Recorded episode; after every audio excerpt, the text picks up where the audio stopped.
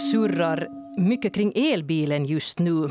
Igår på onsdagen var det trafikutsläppen som diskuterades på klimatmötet i Glasgow som ju pågår ännu den här veckan. Och där lovade flera biltillverkare att helt och hållet fasa ut sina bensin och dieselmotorer från sin biltillverkning eh, till år, till år 2035. Och de som skrev under var Ford, General Motors och Jaguar Land Rover. Många länder skrev också under den här deklarationen som lovar att man alltså ska sluta sälja bilar som använder fossila bränslen. Och då är det år 2035 som gäller för de här så kallade stora marknadsledarna och globalt sen då 2040. Bland annat Indien har skrivit under den här deklarationen. Och Storbritannien är ännu mer ambitiös och har lovat sluta sälja fossildrivna bilar redan år 2030.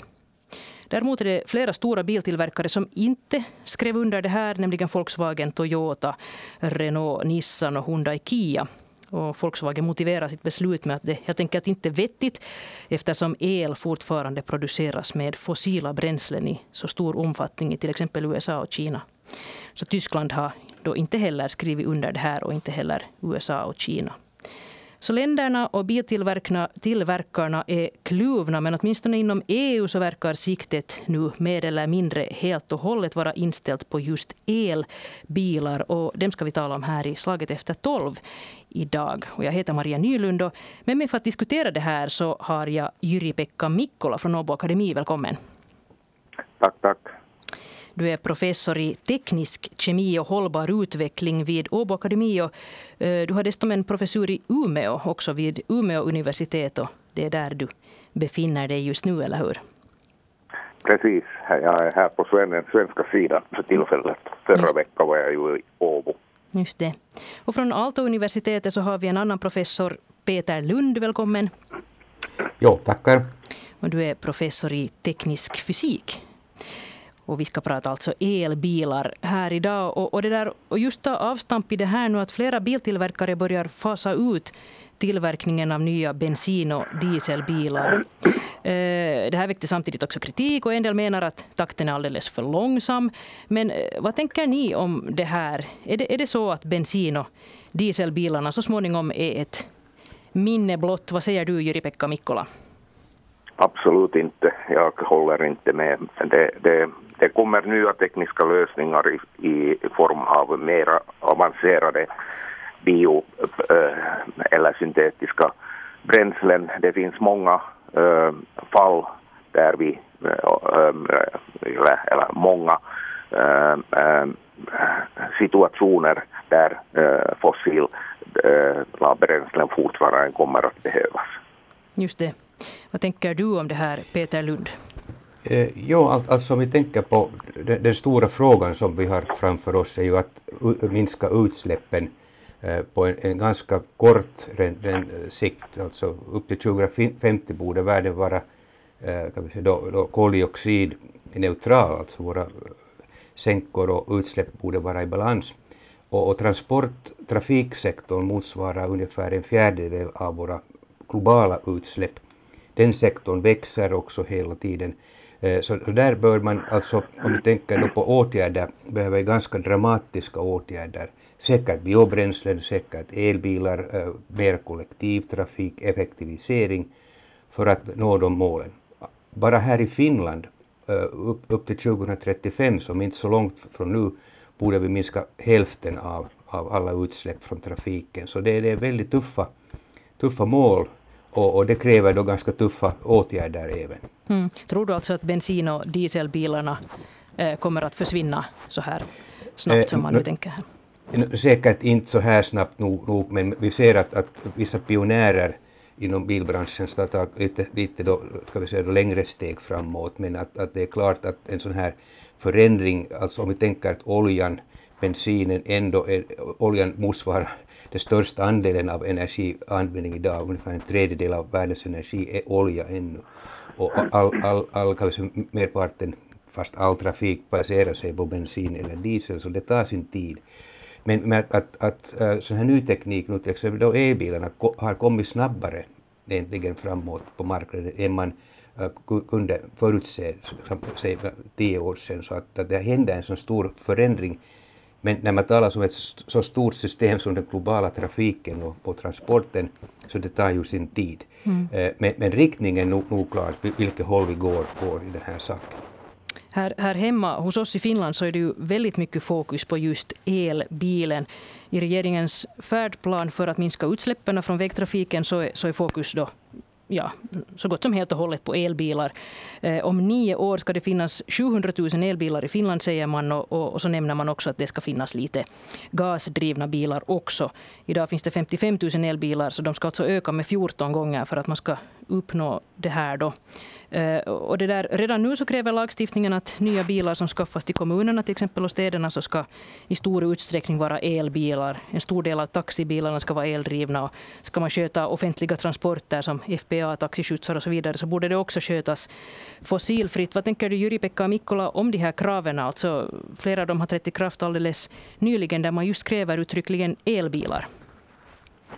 Ja, alltså det elbilar säkert Eh, eller elfordon ska vi säga så här, har, har sin eh, plats eh, när de används på rätt ställe så att säga. Till exempel i Åbo så, så har det kom, kommit ganska många nya elbussar och det är ganska förnuftigt nog med tanke på både, både äh, avkoppling från, från fossila bränslen och, och luftkvaliteten i stan. Men samtidigt äh, så problemet är ju att, att äh, om man ser på elbilens äh, totala utsläpp från vaggan till gra graven så, så det är inte alls så solklart att det totala energikonsumtionen eh, för en eh, elbil under sin livsstil, livstid skulle vara lägre än eh, för en en ja, fossilbil så att säga. Att det, det är många aspekter som man måste tänka på. Mm. Vad, vad, tänker du Peter Lund? Jo, det, det, det, stämmer säkert att, att när vi börjar jämföra lite olika drivmedel i, inom trafiken så, så där, där eh, som sagt bör vi ta en sån här helhetssyn just på det livslängdsemissioner till exempel som en, en, en, en, en fordon har. Eh, men, men om, om, vi kommer tillbaka till den här frågan, alltså var elbilar, så det är ju oftast inom tätorter. Tar vi till exempel huvudstadsområdet eller Åboland, typiskt driv, äh, eh, äh, eh, kör man ungefär tre mil, högst fyra mil om dagen om, om man tar det här pendling från hemmet till arbete. Och, och det, det, det egentligen eh, passar väldigt bra för elbilar redan idag och då, och då, då kan man då, då redan spara stora mängder, mängder bensin. Uh, och sen en, en, en uh, viktig uh, ska vi säga då plus för en e-bil är att den, den använder mycket mindre primärenergi, alltså bränsle, än en, en, en, en, en, en kolvmotor som drivs av bensin eller biobränsle. Den, den sparar ungefär tre fjärdedelar av, av den energin som behövs för en kilometer. Så det är också att effektivisera på, på sätt och vis trafiken Uh, och, och, och därigenom den har sin, sin roll. Men sen om man går till glesbyggnad till exempel och, Eh, och, och, till landsbygden där, där man har inte kanske en sån här laddningsinfrastruktur för elbilar och, och elbilarna är ju tyvärr ännu, ännu avsevärt dyrare än, än, än kolvmotorbilarna. Så det är ju klart där att, att biobränslen kunde spela en mycket större roll. Lokal biobränsleproduktion, är det biogas eller biobränslen från avfall och så vidare. Så jag tror att där finns ju en, en klar nischmarknad. Och, och sen finns det sådana områden som till exempel flygtrafiken, flyget som är väldigt svårt att ersättas till exempel med, med elektricitet överhuvudtaget.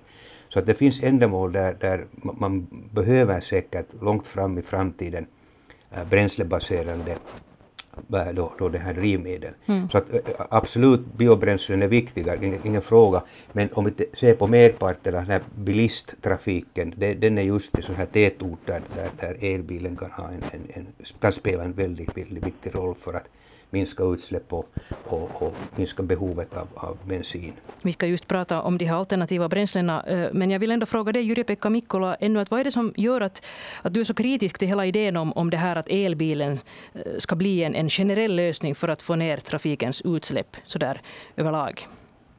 Ja, alltså det, det är ju många orsaker.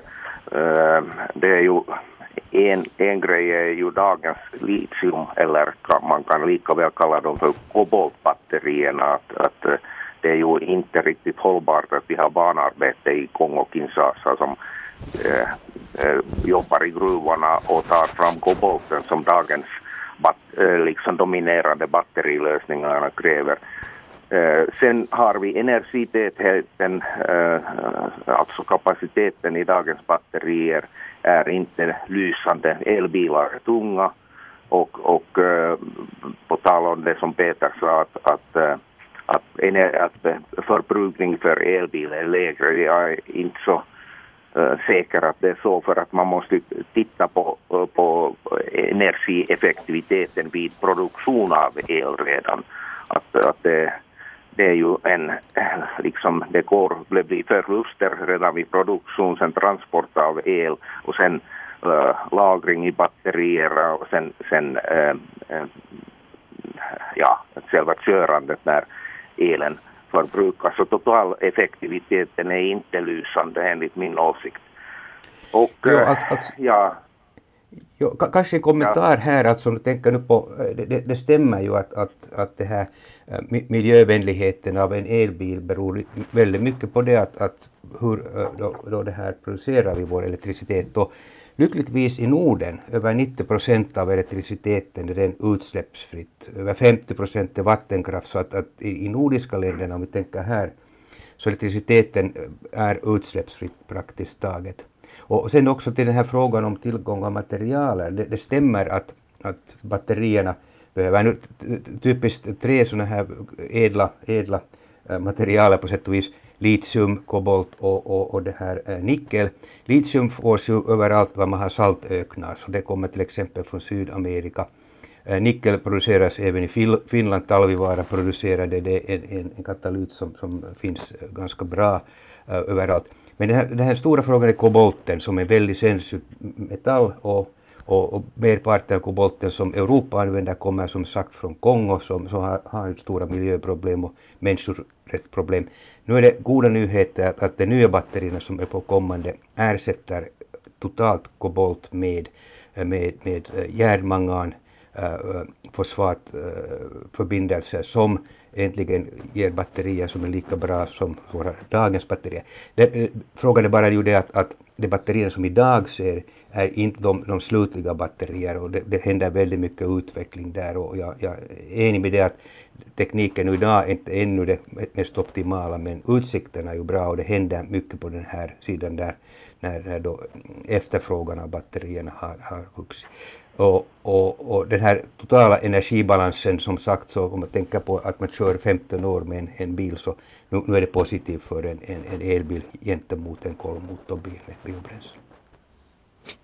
Jag hör här att Peter Lund är ganska optimistisk vad gäller det här batteriproblemet, att man kommer att lösa det med, med, med tekniska, bättre tekniska lösningar här framöver. Vad, vad, vad tänker du, Jyri-Pekka Mikkola, om, om det här? Ja, det, det stämmer absolut att, att det kommer med tiden bättre batterier. Men problemet är lite grann det också att i dagens värld så investeras det stort även i Norden.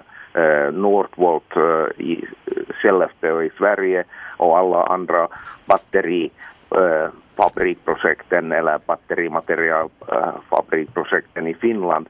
Så när storbolagen har investerat i en teknik, de vill få betalt innan de byter teknik. Så det kommer nog att ta jättelång tid innan, innan någon ny eh, teknik skulle ersätta de produktionsprocesserna som byggs idag.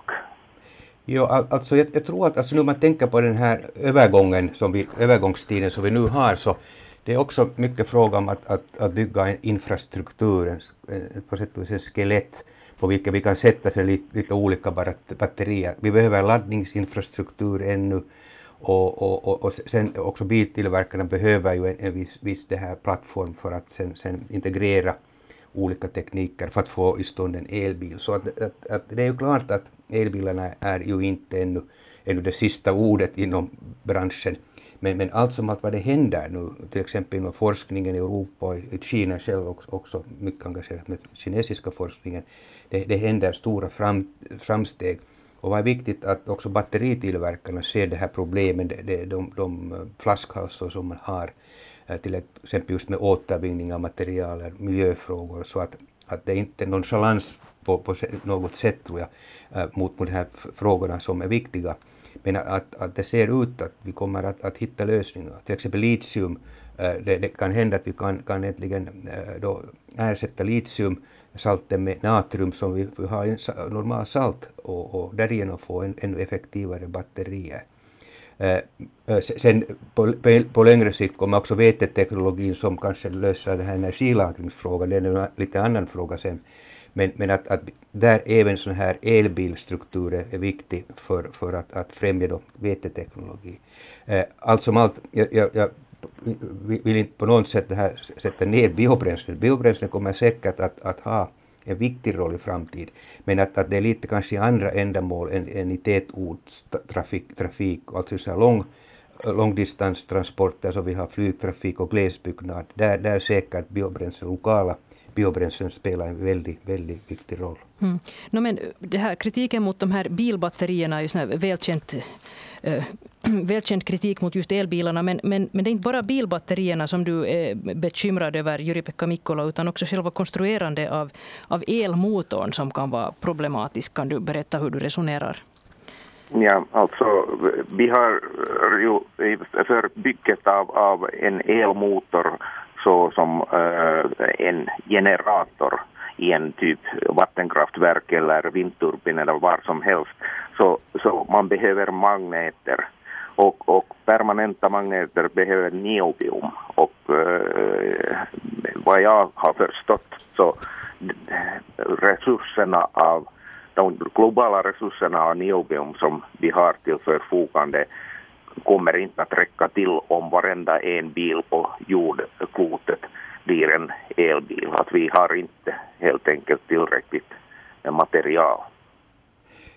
Jo, alltså det, det är klart att när vi, vi övergår från bränslen till något annat då, då kommer det sån här materialberoendeskap som, som, som har inte kanske förr varit så, så aktuellt. Men att om vi tar en, en eh, vanlig elbil eh, så nu är det, det närmaste där vi behöver lite mera material är till exempel då på koppar när vi har ju en generator som, som vävs av koppar, koppar och, och tråd. Uh, vikten av elbil på grund av att man använder mycket aluminium, aluminium istället för, för till exempel då stål så den, den blir ungefär lika tung nu än idag med batterierna som en vanlig, vanlig bränslebil. Det är inte stora, stora äh, det här då, äh, då, då skillnader där. Men, men att det finns vissa, allt all stämmer, det finns kritiska material som vi har här, här som kan dock ersättas med andra, andra materialer.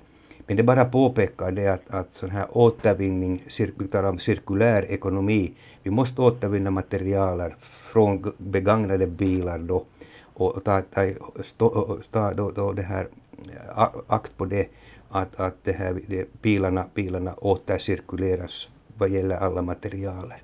Och det är säkert också gott för miljö, miljön att, att, att vi, vi återvinner materialer och, och vi har en sån här total, lite sluten eh, materialekonomi, cirkulär ekonomi talar vi ofta om och, och den, den blir viktig. Och, och, men, men allt som allt också behöver forskning och innovation för att, att sen skapa bättre teknologi över tiden. Men, men så här nu som, som som lekman och ja, alltså, icke-expert så kan man ju tycka att det är på något sätt helt, helt stolligt att man, att man skulle skrota hela den bilpark som nu finns av befintliga bilar som ju är fungerande och, och istället byta ut dem till helt nya bilar som då är eldrivna. Att, att är det här liksom, är inte det här det, det, låter inte riktigt klokt ändå på något sätt så här ur, ja, ur en så här vanlig bilists synvinkel. Vad, vad, tänker ni om, om det? Ja, om jag får svara till, till den här frågan så så äh, även Toyotas äh, VD är av samma åsikt. Problemet är ju att det har gått massor av energi att tillverka dagens bilpark. Alltså äh, energi förbrukning vid tillverkning betyder ju utsläpp och, och även vid skrotning betyder det utsläpp. Uh, och uh, om vi då skrotar alla dessa bilar så vi egentligen kastar bort en massa redan förbrukat energi som har skapat utsläpp. Så det, det, det, och, och, samtidigt om vi då äh, konstruerar en massa nya elbilar så bygget av dem och anskaffning eller förädling av alla material som behövs, det, det skapar också mycket utsläpp. Så det tar jättelång tid innan den utsläppsskulden är betald tillbaka. Mm. Innan, innan dess så, så, så har man inte eh, liksom tjänat någonting egentligen ja, hur, hur länge, hur, hur länge ska man köra med en ny elbil innan den, innan den på riktigt börjar ge liksom miljövinster? Att man är på plussidan på något sätt? No, det, det, finns olika, olika analyser på det, men typiskt räknar vi på en fem år måste, måste man räkna på det, att, att då, då börjar den här energibalansen bli, bli positiv. Och räknat men, i men, kilometer, vad kan det vara? Eh, då, då, då, ligger vi säkert på en 50-60 000 kilometer, måste man räkna på det. Eh, men, och det är lite gårdagens teknologi, att alltså nu när vi tittar på vad det händer på det här området, det blir säkert klart eh, lägre. Men, men den stora frågan här är ju det att hur ska vi då minska utsläppen? Och, och till exempel när vi talar om biobränsle, det räcker inte bara helt enkelt till för att ersätta oljan som, som, som ändå, ändå är 40, 30 tredjedel av, av världens energi. Så om man ser just från den här miljösynpunkten, utsläppspunkten, så, så där, där eh, i synnerhet i tätorter, kortdistanstrafik, eh, så där, där är nog elbilarna mycket effektiva. Eh, och det är inte att säga att vi, vi skulle inte ha då bränslebilar på sätt och vis. Och det är inte fråga att vi skulle byta bilarna ut nu under ett år eller så, utan det är en, en, en process som går säkert upp till 2050 och efter det. Eh, men, men i, i hänsyn till det hur vi eh, då, då rör oss på, så där, eh, elfordon är nog effektiva och, och, och därigenom den, den hjälper till att minska, minska utsläppen. Samtidigt hela samhället kommer att elektrifieras, digitaliseras. När vi ser så elektriciteten spelar en väsentlig roll i hela den här dekarboniseringen av, av energisystemet och, och det är klart att utan den här elektrificeringen kommer vi inte, inte att lyckas med den här minskningen av utsläpp som, som Parisavtalet egentligen då kräver. Så det, det är ganska tuffa frågor säkert. Men som sagt, det, det här går inte över, över natten, utan det är en lång process som behövs. Men, men ändå, Eh, ändå en klar process. Toyota, jag förstår att Toyota är inte så väldigt, väldigt intressant om det här, intresserad om det här därför att deras elbilstrategi var inte så stark och de, de satsar just på vätebilar, på bränslecellbilar mera egentligen än, än andra tillverkare. Så det är lite tävling mellan biltillverkare också i den här saken. Vem ska vara den, den vägvisaren sen för, för framtiden. Vi måste hinna prata lite om alternativen här ännu, för det finns ju idag bränsleförsäljare som marknadsför sina dieselvarianter som förnybara bränslen. Eh, men jag undrar, att, finns det idag diesel som på riktigt är förnyelsebart? Kan man tänka att man är jättemiljövänlig om man använder de här dieselsorterna som nu idag finns tillgängliga? Vad, vad säger ni? Vad säger du, Jyri-Pekka Mikkola? Ja, alltså Ja, alltså det, ja, om vi nu tar som eh, exempel eh, marknadsledaren Nestes Diesel så, så det är ju en jättefin produkt men samtidigt måste man eh, nog påpeka att, att det är fortfarande inte fullständigt fossilfritt. Problemet i den teknologin som Neste har utvecklat är att det kräver massvis med vätgas vid tillverkningen av, av, av majdiesel och uh, den vätgasen härstammar i raffinaderier i dagens värld nog i praktiken från uh, naturgas eftersom det är mycket billigare att tillverka via ångreformering vätgas än, än till exempel via elektrolys som, som man kunde använda. Så problemet är vätgasinnehållet, eller det förbrukade vätgasen vid tillverkning av majdiesel. Det finns andra alternativ eh, med, som, men, som eh, liksom eh, för att eh, andra möjligheter att, att eh, eller andra teknologier att tillverka både diesel och bensin som till exempel eh, vår, vårt bolag Eco Oil har utvecklat. Men vi är ju inte ännu kommersiellt ut på marknaden men, men vi eftersträvar att komma ut på marknaden. Ja, det, det, jag skulle just komma till det här. Alltså det, det, är ju såklart så att det är bara dieselbilar som kan köra på diesel. Och, och, och det där. Men för alla befintliga bensindrivna bilar så finns det väl idag inte överhuvudtaget, överhuvudtaget något fossilfritt alternativ. Men det här jobbar du alltså på då med, Jyri-Pekka Mikkola, du och ditt team. Eh, ni försöker framställa, eller ni framställer syntetisk och helt fossilfri bensin. Eh, n när, när kan ni komma upp till sådana skalor att man skulle kunna börja köra på den här bensinen?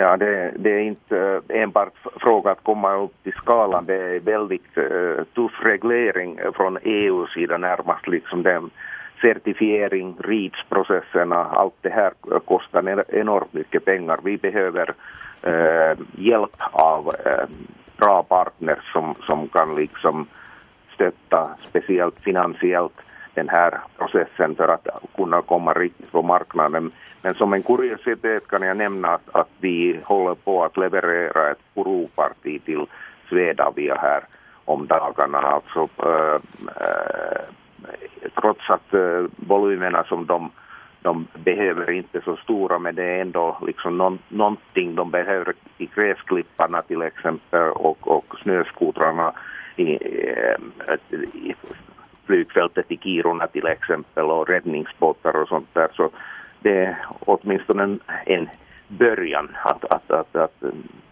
att visa att teknologin fungerar. Vad tänker du Peter Lund om fossilfri bensin? Skulle inte det vara en ganska bra sak? Jo, och det får vi säkert. Alltså att vi kan ju tillverka syntetiska, syntetiska då bränslen från vete i synnerhet och, och sen, sen behöver lite koldioxid för luften så så då kan vi med, med hjälp av katalyter då, då eh, äntligen producera så, så, så, eh, så, stora mängder säkert nog i, i framtiden att den, den, den syns i energibalansen. Men, men där, där är frågan också om den här hela effektiviteten från, från, från början till ändan. Alltså en, en kolmotor är inte så effektiv. Den, den, den, och den, den som sagt slösar energi. Eh, Säkert golvmotorn kommer också att förbättras. Man, man arbetar med tekniker där man, man försöker ta det, fördelarna från dieselmotorn och från vanlig bensinmotor och, och få, få då, då en, en sån här HDI-motor till exempel i stånd eh, som, som kunde vara mer effektivare också i den här energiförbrukningen som, som eh, dagens teknik. Men, men ändå äh, jämfört med direkt användning av elektricitet i en elbil så det är alltid en sån här bränslebil är nog oeffektivare. Så vi behöver mycket större mängder bränslen då för att driva samma, samma kilometer avstånd som uh, en, en, en, en elbil. Men, men säkert bränslen har, har en, spelar en roll just för flygtrafik, långdistanstransport, eh, uh, lastbilar och så vidare. Den tunga delen av transporten säkert behöver bränslen på en lång, lång sikt. Jag skulle vilja lite kommentera det här att, att, att eh, effektiviteten i elbil. Eh, du sa att, att eh, det kanske tar fem år, jag tror det kan nog ta lite längre att, att, att eh, liksom betala tillbaka eh, energi eller utsläppsskulden eh, för tillverkningen av elbil. Men sen måste vi också komma ihåg att när elektricitet produceras, nu bygger man ju massivt ut eh, vindkraftverk och, och, och tillverkning av ett vindkraftverk är eh, liksom, det är ganska energiintensiv process lika så. Man behöver cement eller betong, man behöver äh, stål, man behöver äh, alla möjliga andra material och energiskulden äh, eller utsläppsskulden för bygget av, som, som exempel, ett vindkraftverk, det tar ju många, många år innan Nej, jo, Egentligen så, så energiåterbetalningstiden av vindkraften är det kortaste av alla energislagen. I genomsnitt det är ungefär åtta månader och det bästa vindkraftverk kommer vi på sex månader. Så det är väldigt kort tid. Så att äntligen vi bygger vindkraft så då betyder det att, att vår den här eh, kolbalans balans är väldigt, väldigt positiv för det här. Så att, att nu, nu, där, där är jag inte enig och det, vi har väldigt mycket forskning i världen som visar att vindkraften i det här hänsynet egentligen eh, är väldigt effektiv. Eh, men, men, men den här frågan är alltid viktig, att vi måste se på den här helheten och, och det finns inte bara en sån här silverskott som löser allt. Och, elbilar är säkert viktiga och vi behöver biobränslen där men, men att el, elen, alltså att elektrifieringen av vårt samhälle kommer att, att avsevärt bidra till det att vi kan då nå de här väldigt tuffa klimatmålen som vi har. Det har ju också nämnts, som jag sa, i den här Finlands färdplan mot då det här utsläppsfria trafiken, så, så nämner man också i en bisats nog gasbilarna. Uh, och det där, eh, gasbilar är ju jättesällsynta idag eftersom det är nu mer eller mindre ja, omöjligt på de flesta orter att tanka dem, eller det är väldigt svårt i alla fall. Säkert det, kan det vara bättre på vissa ställen. Men, men det där, eh, dessutom så för något år sedan så meddelade Volkswagen-koncernen att de lägger ner sin utveckling av nya gasbilar. Så, och I bilkretsar tänker man att det här kommer att påskynda gasbilens död ytterligare. Alltså har man tagit livet av gasbilen innan den ens kom igång? Vad tror ni om det? Jo, alltså, jag tycker det är jätte dumt, dumt att, att fasa ut äh, gasen för att vi måste komma ihåg att, äh, att äh, vi ha, samhället producerar i vilket fall som helst ganska mycket, till exempel matavfall. Och röter man det så får man fram biogas. Och biogas är ju väldigt elegant bränsle att användas i, till exempel i bilparken. Det är ju fossilfritt eh, i praktiken. Jo, ja. Alltså det här problemet med biogasen inom trafiken var ju det här efterfrågan. Att, att det kom ju ut här eh, tio år sedan relativt mycket gasbilar men, men efterfrågan gasbilarna den, den, den växte inte tillräckligt. Så det, det tyvärr blev så att, att gasen inom, inom biltrafiken tog, tog inte, inte fart. Men biogasen allt som allt, om man tänker just, just av fermentering av avfall, sopor, så biogasen säkert kan, kan spela också en roll även i producering av elektricitet. Så att, att, men men att, att tyvärr så då, de här stora till, biltillverkarna såg inte en framtid för den här, här tekniken så att det var säkert den efterfrågan av marknaden den, den var inte tillräckligt, tillräckligt stor. Mm. Och vi hade ju inte reglering eller lagstiftning som skulle ha skuffat den här tekniken framåt. Tror ni att loppet är kört nu för gasbilen då? Jag tror inte så. Jo, jag, jag tror att, att, att nu, nu för den kommande, kommande åren här så det, det blir säkert lite, lite, lite då, då blygsammare för gasbilarna och det är säkert nu elbilarna som, som är, är, är på tapeten som, som sagt. Så att, att, att, men att, att på längre, längre sikt så det vet man ju inte aldrig att, att kommer det bränslen sen med ännu, ännu i den här bilden i större omsträckning.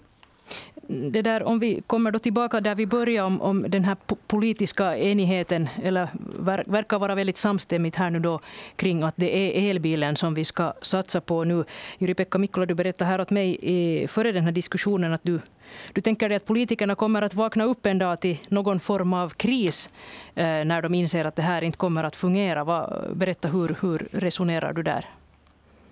Ja, alltså, ja, det, ja, det, jag hänvisar till, till ähm, det som jag sa tidigare att, att vi har problem att, att, äh, med liksom materialtillgång helt enkelt. Och sen, sen måste man äh, nog komma ihåg att, att äh, om vi nu sen bortser från, från ähm, personbilar så till exempel tung trafik, alltså alla långtradare som ska färdas tusentals kilometer Äh, ähm, med tung last. Man kan inte tänka sig en, eh, liksom för lång, långa tunga transporter att, att man skulle ha ett batteri i en, en, en, en lastbil för att eh, då kan den inte transportera någonting alls mera för att batteriet väger för mycket.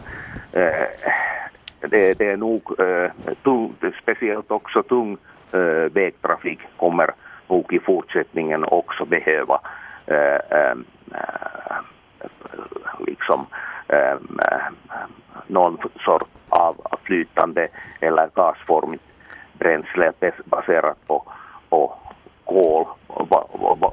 Må det vara fossilt eller icke-fossilt men, men, men, eh, men eh, kolvätebränslen kommer att behövas där också. Håller du, Peter Lund, med om att, att man från statligt håll till exempel eh, borde stödja någon form av, av uh, utvecklande då av sån här fossilfritt bränsle som kan fungera i de befintliga bilarna idag? Eh, för hela, hela energisystemet, inte bara för trafiken, är säkert viktigt att vi har en, en liten del av, av, av energiförbrukningen är bränsle. Det är ju ett, ett, ett, lager av energi som behövs till exempel då när vi har spets, spetsbehov av energi.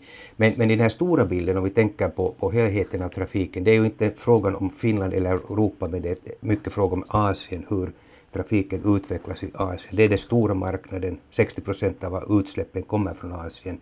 Kina över 30 procent. Så vad de länderna inser och gör, den kommer säkert ha ett stort, stor, stor betydelse här i den här helheten.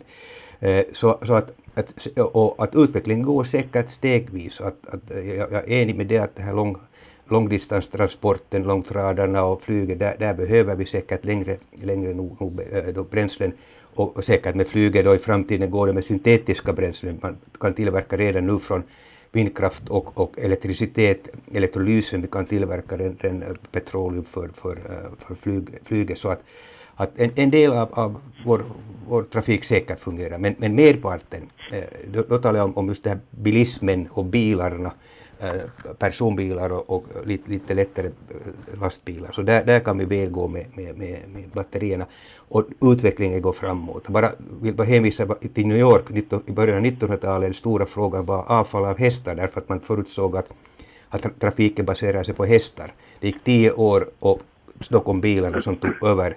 Och det är lite samma här också i den här fall av elbilar, att, att, att utvecklingen går rasant framåt och det, det händer mycket. Och, och där, därför det är ju en chans för oss också att minska utsläppen. Men vi bör inte glömma naturligtvis biobränslen som är viktiga för Finland och för många andra länder även. Jag vill fråga en sista kort konsumentfråga till er. För den bilist nu som vill vara eh, miljövänlig, ska, borde jag satsa mina pengar på en elbil? Vad säger Jyri-Pekka Mikkola? Nej, behåll din gamla bil och kör så länge som möjligt. Det är den bästa miljöförtjänsten eh, eh, eh, äh, äh, du kan göra. No, jag, jag skulle då, då, rekommendera säkert nu i det här läget en, en, laddbar, en laddbar elbil som möjliggör det att, att där man kör inom tätorter och kortare distans, det går på elektricitet, miljövänlig elektricitet. Och sen om man måste köra lite längre sträckor sen till, till, till sommarvillan eller någonstans annanstans, där, där kan man då köra till exempel med biobränslen om man, om man vill det. Vi har ju en del av bränslen är biobränsle och Finland ska ha då upp till 2030 30 eh, procent av bensinen bör, bör ha en, en bio, eh, bio, eh, 30 procent av bränslet kommer att vara biobränslen. Så att det kan vara det första steget och sen lite se ut hur det här, här läget kommer att förändras. Kanske sen skifta till elbilar när, när räckvidden av, av det här eh, batterierna blir, blir tillräcklig. Här får vi avsluta dagens Slaget efter tolv där vi har grävt ner oss i elbilens för och nackdelar. Tusen tack till er som var med. Jyri-Pekka Mikkola som är professor i teknisk kemi och hållbar utveckling vid Åbo Akademi och Peter Lund som är professor i teknisk fysik vid Aalto-universitetet. Och jag heter Maria Nylund. Mera kring klimatfrågor och klimatmötet i Glasgow blir det i slaget efter tolv imorgon.